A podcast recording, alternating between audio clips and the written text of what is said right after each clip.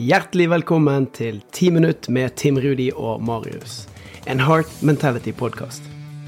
Dette er podkasten hvor du på ti minutt får inspirasjon, motivasjon, kunnskap og ikke minst gode råd på hvordan du kan ta action mot det som betyr noe for deg i din hverdag.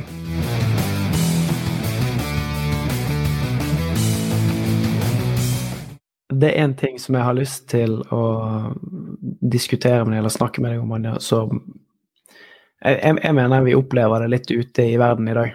Eh, både med, med det budskapet som vi har med, og liksom som en konkret at noen av de tingene som jeg gjør i dag, og som vi snakker om i sosiale medier, i podkasten, på livesendingene våre, eh, det får jeg litt kommentarer på.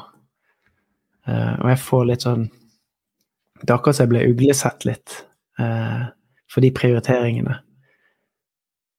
Kan, du, kan, ikke du dele den historien din fra India om, om hvordan du på en måte med stolthet kan bære Det er jo alltid sånn at uh, når du gjør noe som du vet er riktig for deg, noe du kjenner at det her henter jeg energi av, og det er bra for meg, det er bra for folk rundt meg, det er bra for verden, så, så har du egentlig et ja inni hjertet ditt. Men så er det mennesker rundt deg som kanskje mener noe om det. Og når jeg var i India nå, så var det noe som het satsang. Der var det tusenvis av mennesker inne i en hall. Og så kommer gurudev Shri Ravi Shankar inn i det rommet, og så mottar han spørsmål fra mennesker som har stilt han spørsmål. Og et av spørsmåla, det var eh, Gurudev, jeg puster, jeg mediterer, men mine, søskne, mine søsken ler av meg og har det gøy på min bekostning når jeg gjør det her, for de syns det er helt teit. Hva gjør jeg? Mm. Han setter seg tilbake, og så sier han la de le. Fordi du gjør noe som gjør deg glad, og de gjør åpenbart noe som gjør dem glad. De ler jo, så alle ler. Alle har det fint. La dem le. Alle er glad. men, og det men, er jo noe med det. Så hva, hva er det vi unngår å gjøre i frykt for hva folk vil si? Mm. Og hvordan går det på bekostning av både livskvalitet, men også av direkte resultater på jobb eller på idrettsbanen. Det er jo fascinerende og det er spennende å tenke på. For det, det er et av de spørsmålene som er, kommer til meg, er jo hvordan, hvordan kan vi stå stødig i det? Og så er jeg så glad i, i den historien fra, fra, NBA som på en måte synliggjør det her så utrolig kraftfullt. Uh, i forhold til at vi kan gjøre de tingene som er rett, og vi kan faktisk få statistikk og bekreftelse på at dette er den beste måten å gjøre det på, og så lar vi være. Mm. Kan ikke du dele det med meg? Ja, og, og, og, før jeg deler den, så vil jeg jo si det at uh, det vi gjør, og det du refererer til når du sier at folk reagerer, det er jo bl.a. hjertefokusert pust, og det er mm. meditasjon. Og det er forska på nå i bøtter og spann. Vi vet at det fungerer. Vi vet at folk får mindre stress, det blir lavere sykefravær, det blir mer produktivitet på arbeidsplassen, det blir bedre arbeidsmiljø. Og likevel, hvis noen ler, så unngår vi å gjøre det. Ja. Så, så, vi unngår å gjøre det. Men den historien i NBA den, den, viser jo det her noe så enormt godt. For det er et veldig, veldig bra bilde på det. En av mine helter, det var jo Michael Jordan.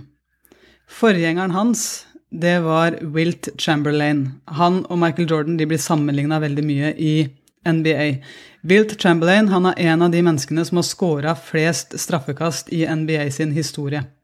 Men det var bare en liten periode, fordi han kommer inn i NBA med katastrofal uttelling på straffer i forhold til det man forventer. Han hadde en, en uttellingsprosent på 40% Så endrer han taktikk. Han ser at det her fungerer ikke, og det er sånn vi navigerer. ja, men det her fungerer ikke, La oss prøve noe nytt. Så han endrer taktikk, og han istedenfor å skyte sånn som folk pleier å skyte med ballen over skuldrene sine på mm. straffekast i, i basket, så tok han ballen mellom beina og kasta med lave skuldre. Og kasta. Og han fikk en da treffprosent på 87,5% når han gjorde det her. Så han blei jo da mestskårende i den ligaen. Han, eh, han blei en stor, stor, stor stjerne. Og, og han var, han var, best gjennom tiende. Sånn, til sammenligning da, så bomma han mellom ni til ti straffekast per sesong. Og mm. LeBron James, som er en av de store i dag, han mister rundt 150 per sesong. Og hvordan skyter LeBron James? Han skyter jo sånn. Men så skjer det en endring i Wilt Chamberlain. Wilt Chamberlain han ser at det fungerer, han har funnet løsningen på et problem. Og så likevel så bytter han taktikk de siste syv åra av karrieren sin. Begynner å skyte sånn som alle andre skyter, i frykt for å gjøre det folk kaller et kjerringkast.